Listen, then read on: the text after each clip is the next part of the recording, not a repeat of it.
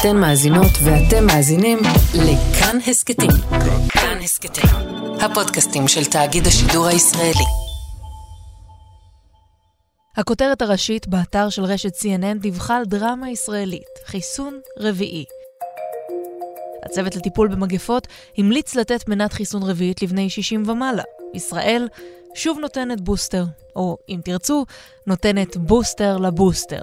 והיא שוב המדינה הראשונה בעולם לעשות את זה. אבל הפעם נראה שההחלטה התקבלה קצת ברגשות מעורבים. בעיקר התקבלה כי התחלואה עולה ורואים הווריאנט אומיקרון נוסע במדינות אחרות. אנחנו משוכנעים שהתפרצות אה, מאוד גדולה של אומיקרון היא כבר פה, היא תתקדם בשבועות הקרובים ותדביק הרבה מאוד אנשים. אנחנו יודעים שהזן הזה מסוגל להדביק גם אנשים מחוסנים, גם מחוסנים בבוסטר. לו לא היה כרגע את האומיקרון, לא היינו בכלל מדברים על מנה נוספת. זה מרכז הצוות, הדוקטור טל ברוש, והוא בעצם אומר פה שהזן החדש הוביל לחיסון 4. אבל יש חברים בצוות המומחים, כאלה גם שתמכו בחיסון רביעי, והודו שההמלצה לא הגיעה בגלל נתונים על דעיכה במספר הנוגדנים של המחוסנים בבוסטר, זאת אומרת גם, אבל בעיקר, פשוט כי אין מה להפסיד. אנחנו לא בטוחים שהדבר הזה אכן יעשה את מה שאנחנו חושבים. בסדר? אנחנו לא בטוחים בזה. למה אנחנו לא בטוחים? כי לא עשינו את זה בעבר, באמת לא עשינו את זה. אנחנו אבל כן חושבים שהסיכון לתת מנה נוספת לבן אדם בן 60 או בן אדם אה, מדוכא חיסון, או לא משנה, גם בן אדם צעיר, הסיכון ממנה נוספת הוא שולי. לעומת זאת, יכול להיות שיהיה לו רווח מאוד מאוד משמעותי. עכשיו, יכול להיות שנתבדה. היי, אתם על עוד יום, הסכת האקטואליה של כאן. אני מאיה רכלין, ויש לי בעיקר מלא שאלות. על גל חמישי, חיסון רביעי ואומיקרון אחד, שעוד לא ברור כמה נזק הוא גורם. דוקטור אורן קובילר, וירולוג מבית הספר לרפואה באוניברסיטת תל אביב וחבר בעמותת מידת, בא לעזרת חבר. שלום לך. שלום לך. חיסון רביעי זה דבר שאנחנו מכירים בהתמודדות מול מחלות אחרות? כן, קודם כל, הרבה מאוד מחיסוני הילדים אנחנו נותנים בארבע וחמש מנות, אז זה לא משהו שלא שמענו עליו בעבר. אבל אה, במבוגרים באמת לא ראינו חיסון שניתן בתדירות כזאת עד היום. מה בעצם חיסון רביעי אמור לעשות? אז מה שאנחנו מעריכים הוא שיש ירידה בכמות הנוגדנים המנטרלים. הנוגדנים המנטרלים, מה שאנחנו חושבים שהם עושים, זה הם הנוגדנים שנקשרים לנגיף כשהוא נכנס לגוף, והם על ידי כך מונעים ממנו להיכנס לתאים. הם הסוכנים החשאיים שאמורים לעצור אותו. הם עוצרים אותו במכה הראשונה שהוא נכנס לגוף. Mm-hmm. ולכן כמותם מאוד מאוד חשובה כדי למנוע את הכניסה הראשונית. ולכן כשהם מתחילים לדעוך והדעיכה שלהם היא טבעית, אחרי כל חיסון אנחנו רואים את הדעיכה הזאת, אז אנחנו חושבים שהירידה הזאת בנוגדנים המנטרלים היא זאת שמאפשרת לנגיף אה, להדביק אותנו, ולכן כל עוד אנחנו שומרים על רמה גבוהה של נוגדנים, אנחנו יחסית מוגנים מפני הנגיף. יש כבר מחקרים שמוכיחים שהיעילות של הבוסטר דועכת בשלב הזה? לא, אבל שוב, אנחנו כן רואים אה, ירידה בנוגדנים, היא איטית הרבה יותר ממה שראינו אחרי השתי מנות, אבל אנחנו רואים ירידה בנוגדנים וזה טבעי, זה מה שאמור לקרות. השאלה אם נגד מחלה קשה יש דעיכה, ואנחנו עדיין לא רואים את זה. אז לפי מה מתקבלת ההחלטה שעכשיו זה הזמן לחיסון רביעי? אז באמת מגיע גל האומיקרון, שהוא בנוסף להיותו מאוד מאוד מהיר, ואנחנו לא לגמרי סגורים על למה הוא מאוד מהיר עדיין, אנחנו רואים שהוא מצליח להדביק גם מחוסנים וגם מחלימים הרבה יותר בקלות מאשר בעבר. כנראה שחלק מהדברים האלה שאנחנו חושבים על האומיקרון, שהוא גורם למחלה הרבה יותר קלה, זה נובע מזה שהוא מדביק באמת רוב האנשים שהם כבר מחוסנים או מחלימים, ויש להם איזושהי הגנה טבעית כבר אה, נגד המחלה הקשה, כי הם כבר הכירו את הנגיף בעבר. ויש אנשים בישראל שהם לא מחוסנים ולא מחלימים, ולכן אלה האנשים שאנחנו חוששים שיגיעו לבתי החולים. נכון.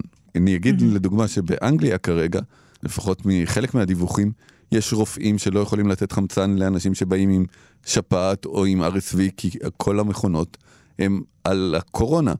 אז אם יהיו לנו הרבה חולי קורונה, אנחנו גם לא נוכל לטפל במחלות אחרות, עונתיות וכאלה, ואז אנחנו בבעיה. זאת אומרת, גם אם אני התחסנתי בשלוש מנות, יכול להיות שאני לא אקבל טיפול כי מישהו שלא חוסן יתפוס את אה, אותה מכונת הנשמה. נכון.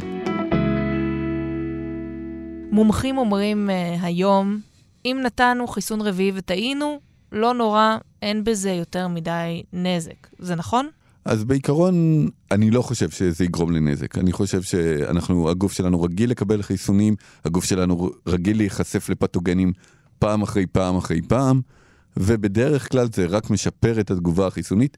אני לא יכול לחשוב על איזושהי דוגמה למצב שזה בו הרע את התגובה החיסונית אחרי מתן חיסון נוסף.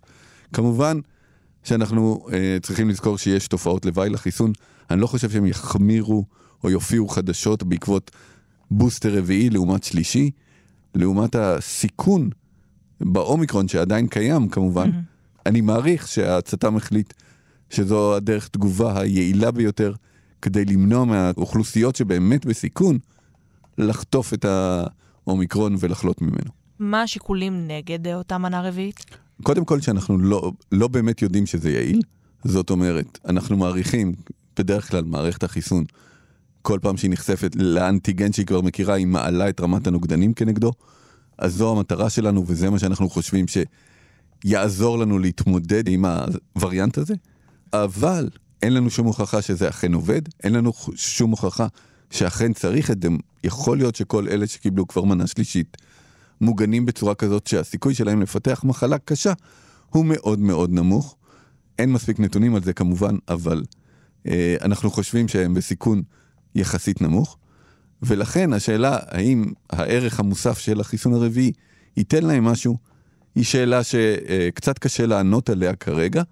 בעולם לא היו שום מחקרים על חיסון רביעי, נכון? בעולם עוד לא מצליחים להביא את האנשים לקבל חיסון שלישי. נכון. גם אצלנו יש מיליון איש שעוד לא קיבלו את החיסון השלישי, שאולי עדיף לחסן אותם. אנחנו יודעים שהחיסון השלישי מגן הרבה יותר טוב כנגד האומיקרון מאשר אה, מחוסנים בשתי מנות בלבד, ולכן אנחנו מאוד ממליצים למיליון האלה להתחסן, שזה מסר מאוד מאוד חשוב, הרבה יותר חשוב מ, אה, לדעתי, מהחיסון הרביעי כרגע, אם כי החיסון הרביעי הוא בהחלט, אני אישית חושב שהוא לא יזיק לאלה שיקחו אותו. אז העלייה בתחלואה היא מה שתוציא אנשים להתחסן? ראינו למשל עם חיסוני הנוער. הם אה, ישבו על הגדר הרבה מאוד זמן, אבל כשהתחיל להגיע גל מאוד מאוד משמעותי, וזה היה ברור שאנחנו נמצאים בגל ועליית תחלואה, אז הם רצו להתחסן, או ההורים שלהם רצו לחסן אותם. ברק הרשקוביץ הוביל את הקמפיין של משרד ראש הממשלה לבוסטר וחיסוני ילדים. עוד נחזור אליו, אבל בגדול הוא מסכים שאין מה לעשות, עלייה בתחלואה לצערנו היא קמפיינר טוב, וכשזה מגיע לאומיקרון, התחלואה עולה. בעולם ראינו שחוזרים להגבלות, השמיים נסגרים, והחשש הוא שבתי החולים יוצפו. בעוד ועוד מדינות האומיקרון הפך לווריאנט הדומיננטי, וההערכה היא שגם בארץ זה קורה אוטוטו. וראינו את זה עכשיו באירופה, אבל יש עוד הרבה מאוד שאלות לא פתורות לגבי הזן הזה. הרבה. דוקטור דורית ניצן, מנהלת חירום בסניף אירופה של ארגון הבריאות העולמי, שלום. שלום לך ושלום לכולם. מה מבחינתך סימן השאלה הכי גדול בכל הנוגע לווריאנט אומיקרון? סימן השאלה הוא מהי המחלה שהוא גורם, האם היא מחלה קלילה שתעבור בקלות על רוב האוכלוסייה המחוסנת בעולם, או שמא הוא עומד אה, לעשות אה, באמת נזק אדיר לאנושות. מהנתונים שכבר מגיעים, גם מדרום אפריקה וגם מבריטניה, יש סימנים אופטימיים יחסית. נכון, וזה נפלא. אנחנו באמת רואים שהווירוס הזה, למרות שהוא מתפשט במהירות וכובש את הדלתא בהרבה מקומות, אנחנו רואים שהתחלואה שהוא גורם היא פחותה, וזה יכול להיות משתי סיבות, זה יכול להיות שבאמת הווירוס הזה אה, מצא לו מוטציות שיגרמו לו לעבור יותר בקלילות ולא לגרום לנו להיות כל כך חולים, כי תכלס הווירוס לא רוצה שהאנושות אה, תיעלם יחד איתו, הוא רוצה שהאנושות תשרוד. הווירוס החדש הזה, הזן החדש הזה, אנחנו רואות שהוא מגיע ועובר גם בין מחוסנים. אמנם לא מוביל לתחלואה קשה, אבל כן מדביק גם מחוסנים. נכון, נראה אה, מהנתונים שיש לנו שהוא עובר גם במחוסנים, וזה רק אומר שאנשים שאינם מחוסנים צריכים לקחת את זה לתשומת ליבם. אם הם סמכו עלינו, על המחוסנים, שממש נגן עליהם מפני הווירוס, הם לא יכולים לסמוך עלינו יותר, כי אחד מתוך שניים כנראה מאיתנו עלול לפזר את הווירוס, למרות שאנחנו לא נהיה חולים בכלל, לא נהיה סימפטומטיים, ולכן זה הזמן ולכן המדינות כל כך פועלות בנמרץ עכשיו באמת להאיץ את קצב החיסונים, ההתחסנות של האוכלוסיות. ובאירופה אנחנו רואות שבאמת יש תורים ענקיים גם לבוסטר, גם לחיסוני ילדים. מה עושים שם שאנחנו בארץ לא מצליחים לעשות עכשיו? אני חושבת שאנחנו, בארץ אנחנו נכנסים לשאננות אה, כתוצאה מהמצב הטוב.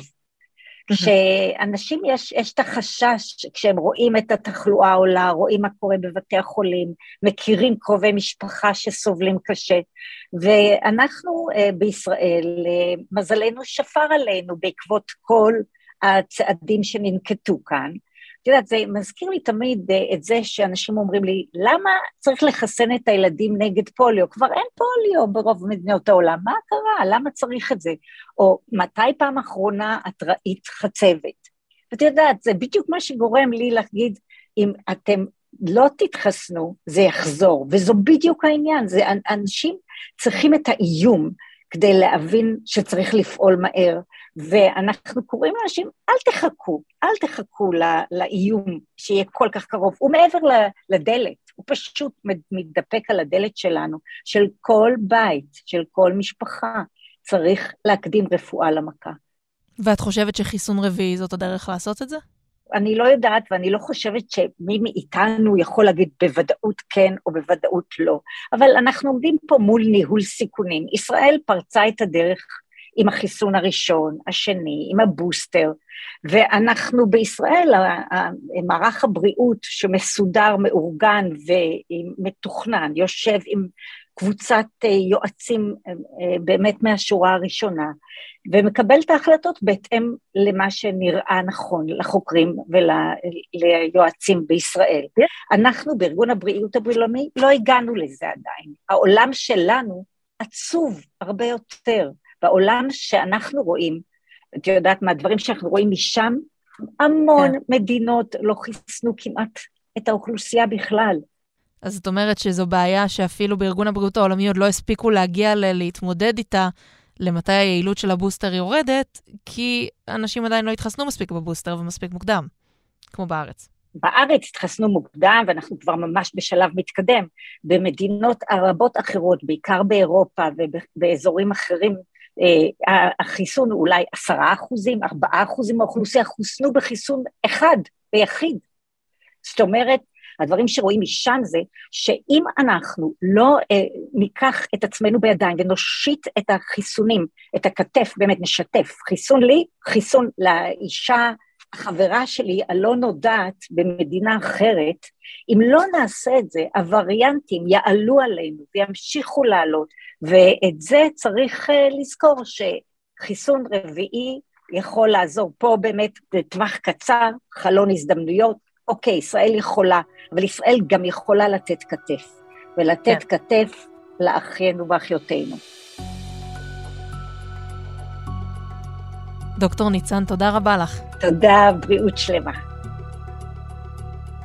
העולם ממשיך להילחם בהססני ובסרבני החיסונים על הבוסטר, ואנחנו נחזור למאבק שלנו. דוקטור אורן קובילר, אם האומיקרון מדבק יותר, אבל מרחם קצת על מחוסנים, מה יעזור לנו חיסון רביעי? אז חיסון רביעי באמת יקטין עוד יותר גם את ה... אה, אפשרות להידבק? גם את האפשרות להידבק, וגם את האפשרות להעביר את המחלה, אבל זה mm. יהיה בקטנה, זאת אומרת, כיוון שאנחנו לא הולכים פה לחסן את כלל האוכלוסייה בחיסון רביעי, אלא רק חלקים קטנים ממנה, אז זה לא יעצור את הגל. זה כן יקנה להם עוד שכבת הגנה מפני גם היכולת להידבק וגם היכולת לחלות קשה. בסופו של דבר, אף חיסון לא יעיל ב-100%, ואם עכשיו הם במצב שבו הם 90 מוגנים או 80 מוגנים מפני מחלה קשה באומיקרון, אז אה, בנוכחות החיסון הרביעי יכול להיות שזה יעלה ל-85-90, שזה נשמע לכם לא הרבה, אבל במספר גדול של חולים זה מצטבר אבל לכמות אמרת- משמעותית. אבל אמרת שזה לא יעצור את הגל הזה של התחלואה. אז מה אפשר לעשות כדי כן לעצור אותו? משרד הבריאות דיברו על הגבלות התקהלות, דיברו גם על תו ירוק, אבל בינתיים, הקשחה של התו הירוק, אבל בינתיים לא מצליחים לגמרי להגיע להסכמות. אז כן. החיסון זה מה שיעזור? אז החיסון זה מה שקל לעשות, בסדר? Mm. זאת אומרת, להגביל אנשים אה, ולהתחיל לשלם פיצויים לעסקים, זה עולה הרבה כסף, הרבה יותר מהחיסון, וזה גם מדיניות שהממשלה הזאתי, הנוכחית, מאוד מאוד רוצה להימנע ממנה. אה, כן. ולכן היא מנסה כל דרך אפשרית כדי להמשיך בשגרת חיינו עם הגל הצפוי הזה של האומיקרון, ובעצם הדרך שהיא חושבת שיפגע הכי פחות בכלכלה, הכי פחות באנשים, הוא על ידי מתן החיסון הרביעי. זה ה- כאילו האופציה הקלה העומדת בפניה. והשאלה היא כזאת, אם אין נתונים ממשיים על ירידה ביעילות הבוסטר ואין נתונים על עלייה בתחלואה קשה, מה יוציא אותנו להתחסן? ובעיקר, מה ישכנע הורים לחסן את הילדים? נשאל אותך, ברק הרשקוביץ בימים אלה מסיים את תפקידך כראש מערך ההסברה למאבק בקורונה של משרד ראש הממשלה. שלום. שלום, שלום. אתה עבדת על הקמפיינים של משרד הבריאות אה, לחיסון הבוסטר וחיסון הילדים. כן, למעשה לא רק משרד הבריאות, כל הקמפיינים של הממשלה בתחום הקורונה. מה תפס את תשומת הלב שלך כשהתחלת לעבוד? אנחנו קודם כל לא התחלנו לעבוד על אה, עיוור, אנחנו התחלנו לעבוד אה, בהסתמך על מחקרי עומק, אה, גם אה, מחקרים כמותניים, איכותניים, ירדנו לשטח, הבנו, אה, שאלנו אנשים מה הם יודעים, מה הם חושבים, מה התפיסות שלהם על הקורונה, על החיסונים, וראינו שבאמת אה, אנשים אה, מחפשים אה, תשובות אה, ברורות, מדעיות, מחקריות, אה, בהירות, פשוטות להבנה, ושאנחנו צריכים להנגיש להם את הידע הזה פשוט. במבט לאחור, מה עשיתם, בעיקר כשאתה מסתכל על מבצע חיסון הילדים, שלא עבד, שהיה אפשר לעשות אחרת? אז קודם כל אני חולק על, ה, על התפיסה שהוא לא עבד, כי uh, ידענו מראש שמבצע חיסון הילדים uh, יתנהל בעצלתיים, uh, בראש ובראשונה בגלל שיש חששות לאנשים, חלקם מובנים. וגם uh, בגלל שאנחנו בעצם התחלנו אותו לא בתוך גל uh, תחלואה, שזה תמיד uh, מאתגר יותר, כי כשאין דחיפות, אין את הסיבה הדחופה לעשות את זה, אז uh, uh, אנחנו גם ראינו את זה עם חיסוני הנוער, שהתחילו גם כשבעצם לא היינו בשיא תחלואה או בגל, אז ראינו שהקצב איטי יותר. הסיבה שאני דווקא חושב שהמבצע מוצלח בסופו של דבר, בשלב הזה, היא בגלל שברוב ה- היישובים של החברה הכללית אנחנו רואים בסופו של דבר שיעורי התחסנות גבוהים לתקופה הזאת, לחודש ומשהו שאנחנו מחסנים. בחלק מהמקומות הגענו ל-40-50 אחוז, אה, והאתגר הגדול שלנו כרגע כמדינה הוא בעיקר בחברה החרדית והערבית. ושם אנחנו באמת כמדינה מגיעים עם, אה, לא רק עם הסברה, יש לנו גם אה, מאמצי הסברה מאוד אינטנסיביים, אבל גם עם אה, הנגשה של הניידות בבתי הספר ובמקומות אחרים. אני חושב ש... זה אתגר שגם מתמודדים איתו באמת אה, מתחילת הגל של הקורונה, עוד אה, מלפני שנתיים. נכון. אבל השאלה היא כזאת, מה אפשר לעשות כדי להפיג את החששות? האם כל הרעיונות שאנחנו שומעים, של אנשי משרד הבריאות, של פוליטיקאים, זה מה שבסוף יוציא את האנשים להתחסן? אני חושב שההסברה היא זרוע אחת, אבל היא, היא, חלק, מה, היא חלק מהמערכה. בנושא... אבל היא הזרוע החשובה? היא אה, זרוע חשובה כמו זרועות אה, אחרות, ואני אסביר. קודם כל, מבחינת ההסברה אנחנו ראינו שאנשים אה, מתעניינים באמת בתשובות ברורות, בגלל זה הלכנו, במיוחד בחיסוני הילדים, הלכנו פחות על הומור, אה, הסתכלנו גם מה קורה בעולם פחות או יותר, למרות שאנחנו בין המדינות הראשונות והבודדות שמחסנות כרגע גילאי 5 עד 11, אבל אה, ראינו מה קורה בעולם בכלל, בעולם החיסונים לצעירים. והלכנו על פחות הומור, פחות הפחדה, פחות אה, גימיקים, פחות אה, סלבס, והלכנו באמת לכיוון של הנגשת ידע על ידי רופאי ילדים שהם בפרונט. עשינו מחקר וגילינו ששאלנו אנשים כל מיני אמרות, אה, והאמרה שזכתה להכי הרבה אה, הסכמה מצד הורים, היא האמרה שרופא הילדים שלנו רוצה בטובתנו. בסופו של דבר, ההורים מבינים שהרופא ילדים רוצה בטובתם, אנחנו רצינו להנגיש זאת את אומרת, השיחות הם האלה. אומרים, פחות מעניין אותי מה יגיד אה, ראש הממשלה או שר הבריאות, יותר מעניין אותי מה יגיד מי שפוגש את הבן או הבת שלי כל יום כשהוא מרגיש לא טוב. יש אמון מאוד גדול ברופאי הילדים ורופאי המשפחה, אה, יותר מאשר בממסד ה- אה, גם פוליטי, גם תקשורתי. זאת אומרת, בסופו של דבר, כששואלים אה, מה, מה יגרום לך לקבל החלטה מודעת לגבי הילד שלך, החלטה רפואית, אז אה, רופאי הילדים ורופאי המשפחה הם משחקים תפקיד מאוד משמעותי. ומה שעשינו, הנגשנו אותם בעצם במגוון של דרכים, גם בדרכים הפשוטות שיש לנו כממשלה.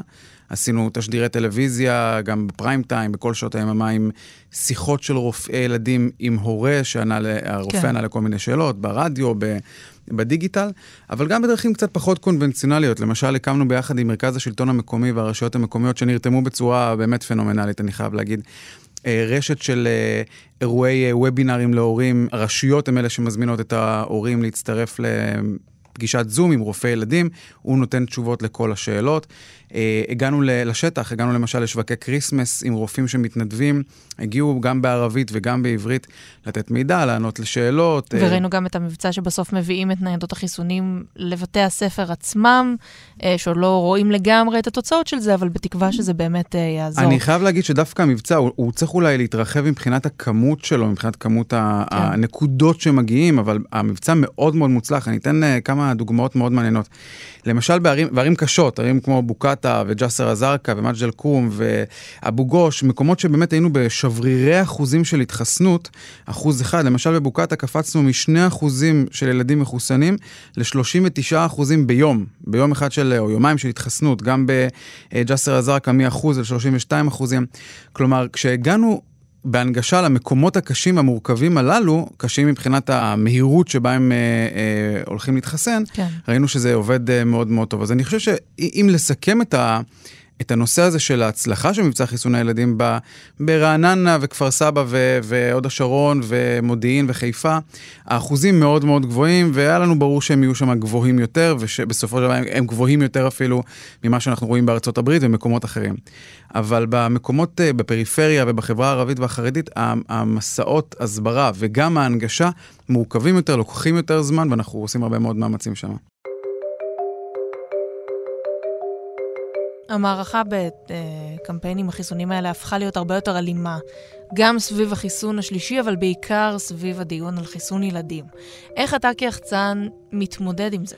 אה, אנחנו באמת רואים, אגב זה לא רק בישראל, בכלל בעולם, אה, אה, גל של fake news, שקרים, וחלקם גם מלווים באלימות ואגרסיביות מאוד, מאוד יוצא דופן.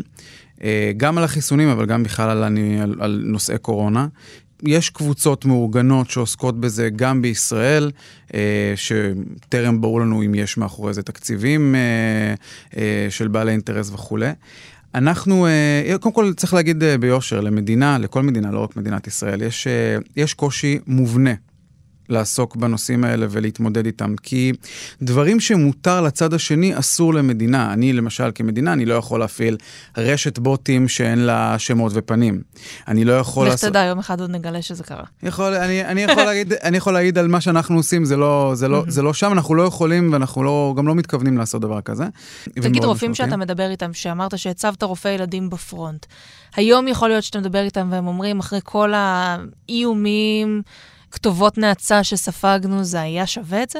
חלקם באמת אה, מדירים את רגליהם מעיסוק פומבי בדבר הזה, ובאופן טבעי אני יכול להבין אותם, חלקם קיבלו גם איומים אה, עליהם ועל המשפחה שלהם, או, או נאצות בדיגיטל.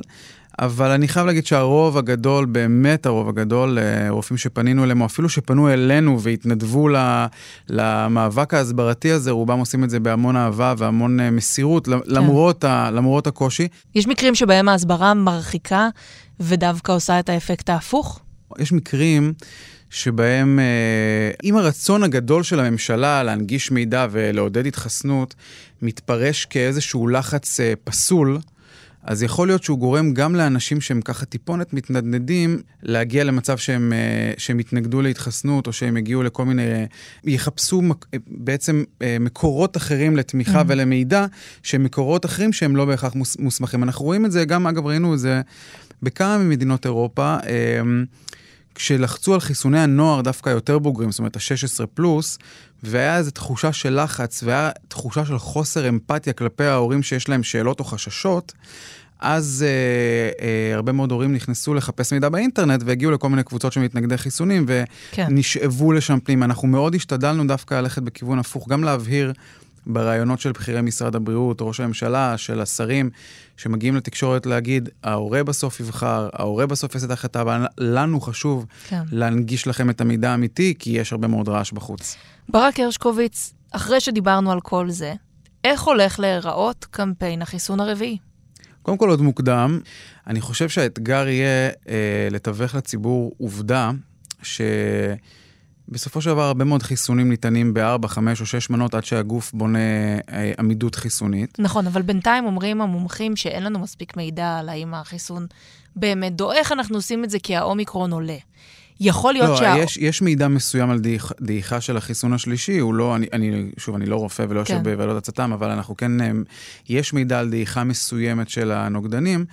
אגב, צריך להגיד את האמת, גם בחיסון השלישי אנחנו הקדמנו את העולם לפני שהיה מידע מאוד קונקרטי על ההשפעה של החיסון השלישי אה, על, אה, על אוכלוסיות. אבל גם אה, בחיסון השלישי רבה. ראינו שיש משהו כמו מיליון ושש מאות אלף בני אדם שלא קיבלו אותו, למרות שהם חוסנו בשתי מנות, אז יכול להיות שבחיסון הרביעי אפילו המספר הזה יהיה גדול עוד יותר. נכון, האתגר הוא פה מאוד מורכב. אה, אגב, חקרנו לעומק למה אנשים, אה, למה המיליון אנשים האלה לא התחסנו. רובם, רובם הגדול, אגב, לא מתנגדי חיסונים, או לא... אגב, גם רובם לא, לא מאוד פוחדים מהחיסון השלישי, אלא פשוט אה, יושבים טיפה על הגדר, זה לא הזמן, אין עדיין גל, אה, אין תחלואה כל כך גדולה, אני אגיע לזה מתישהו. אז תגיד לי, לא עדיף להתרכז בהם מאשר עכשיו להתחיל חיסון רביעי? קודם כל, זה, זה לא סותר, כי החיסון הרביעי, אנחנו מדברים עליו בשלב הזה לגילאים מאוד מבוגרים, 60 פלוס או 70 פלוס, וגם אה, מדוכאי חיסון, אנשים שבאמת אה, מצריכים אולי עוד, איזשהו, עוד איזושהי שכבת הגנה, אבל אין ספק שה... גם החיסון השלישי, אנשים שלא קיבלו אותו, יהיו אה, אה, איזשהו אתגר מאוד חשוב עכשיו לממשלה, והוא אתגר שחייבים לפצח אותו מהר. וגם אה, בכלל האמון של הציבור בהנחיות של משרד הבריאות ושל צוות המומחים, בעצם זה שאומרים צריך חיסון, אז ללכת ולקחת אותו, כי אנחנו... ביום-יום אנחנו צריכים רגע להגיד את האמת, רוב האנשים הם אנשים נורמטיביים שמתחסנים, בטח בחיסוני השגרה, דמת, חצבת וכולי, אבל גם בקורונה הרוב המסיבי, הגדול של האנשים שהם אה, צריכים את החיסון, התחסנו. והאתגר יהיה פה לתווך להם באמת למה חשוב אה, לשמור על הערנות הזאת.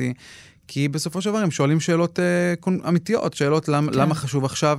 אבל אני כן רוצה, וזה מחזיר אותנו טיפונת להתחלה, לשאלה שלך על מקום ההסברה באופן כללי, ולמה יש, אה, למה זה רק אה, אה, אה, זרוע אחת משאר הזרועות שמשכנעות בסוף בן אדם להתחסן. אנחנו רואים את זה גם במחקרים שלנו. בסוף, ראינו למשל עם חיסוני הנוער. הם אה, ישבו על הגדר הרבה מאוד זמן. אגב, החיסוני ילדים מת- מתקדמים בקצב מהיר יותר מאשר קצב חיסוני הנוער, אבל כשהתחיל להגיע גל מאוד מאוד משמעותי, וזה היה ברור שאנחנו נמצאים בגל ועליית תחלואה, אז הם רצו להתחסן, או ההורים שלהם רצו לחסן אותם. לדעתך, אומיקרון יכול להיות מה שישנה פה את אחוזי ההתחסנות? אנחנו רואים שבאירופה יש באמת תורים. אני יודע בוודאות להגיד שבעבר ראינו כשגם אנשים שהם היססו, ישבו על הגדר עם החיסונים, הגיעו להתחסן בזמן גל, אז אני מניח שזה יקרה גם הפעם, אה, ואנחנו אה, מקווים שזה לא יהיה הסיבה היחידה. בסופו של דבר אנחנו עשינו הכל כמדינה, עשינו הרבה מאוד מאמצים, גם להנגיש מידע, גם אבל שונות. כן יש כאן איזושהי מציאות שבסוף לא משנה מה אתה תעשה, כל עוד לא יהיה גל תחלואה, אנשים לא ירגישו את הסכנה נכון, הזאת. וזאת הזרוע השנייה, ברגע שיש תחושת אה, חירום אמיתית, והיא- ש- שהיא מגובה גם, אגב, לא רק באמירות של הממשלה, אלא במציאות אובייקטיבית שאנחנו רואים מסביב, אז זה החלק שבאמת דוחף את האנשים, אה, את הדחיפה האחרונה, כדי לעשות את המעשה הזה בסופו של דבר. ברק הרשקוביץ, תודה רבה לך. תודה רבה. אורן קובילר, האומיקרון התפתח באפריקה, מדינות שבהן באמת אה, שיעור המחוסנים היה נמוך יותר, אה, והשאלה היא, אם אנחנו יוצאים מהקופסה שלנו רק במדינת ישראל, אם לא היה עדיף להתרכז בהעברת חיסונים למדינות עם שיעור מחוסנים נמוך יותר, כי שם מתפתחים הווריאנטים. רצוי היה להעביר כמה שיותר מנות חיסון לאפריקה, אבל אה, לדוגמה, דרום אפריקה ביקשה להפסיק לשלוח לה חיסונים, כי היא לא מצליחה לחסן את האנשים עם החיסונים שיש לה. זה היה יותר מדי. ממש צרות של השגרירים, הבעיה היא שהם הצליחו לחסן רק 25% מהאוכלוסייה.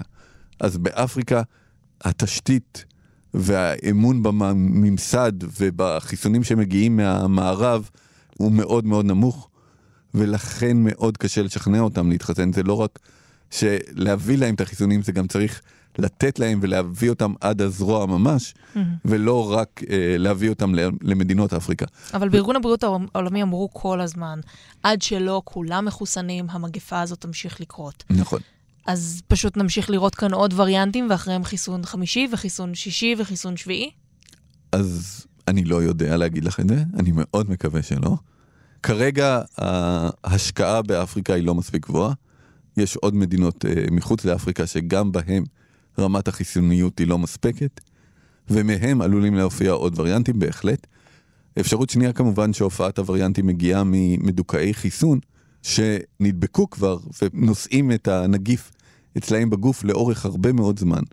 לפחות אנחנו חושבים שחלק מהמוטציות בווריאנט הזה הצטברו ככה, אנחנו מעריכים שזה לא משהו שאנחנו יכולים למנוע כרגע, גם אם רוב האוכלוסייה תהיה מחוסנת, מדוכאי חיסון תמיד יישארו לנו. ולכן mm-hmm. הדרכים שלנו להתמודד עם המגפה יהיו באמת לחסן כמה שיותר אנשים. אגב, גם מדינת ישראל הייתה עכשיו במצב הרבה יותר טוב אם היינו עם 90% מהאוכלוסייה מחוסנת ולא 60% מהאוכלוסייה מחוסנת. אז זה לא מספיק לנו בשביל אה, להיות שקטים ורגועים שאנחנו מחוסנים מספיק. זה המון המון אחוזים מהאוכלוסייה שלא קיבלו אפילו חיסון אחד, אה, והם אלה שיסתמו לנו את הבתי חולים במקרה שיהיה פה גל גדול. אורן קובילר, תודה רבה לך. בשמחה.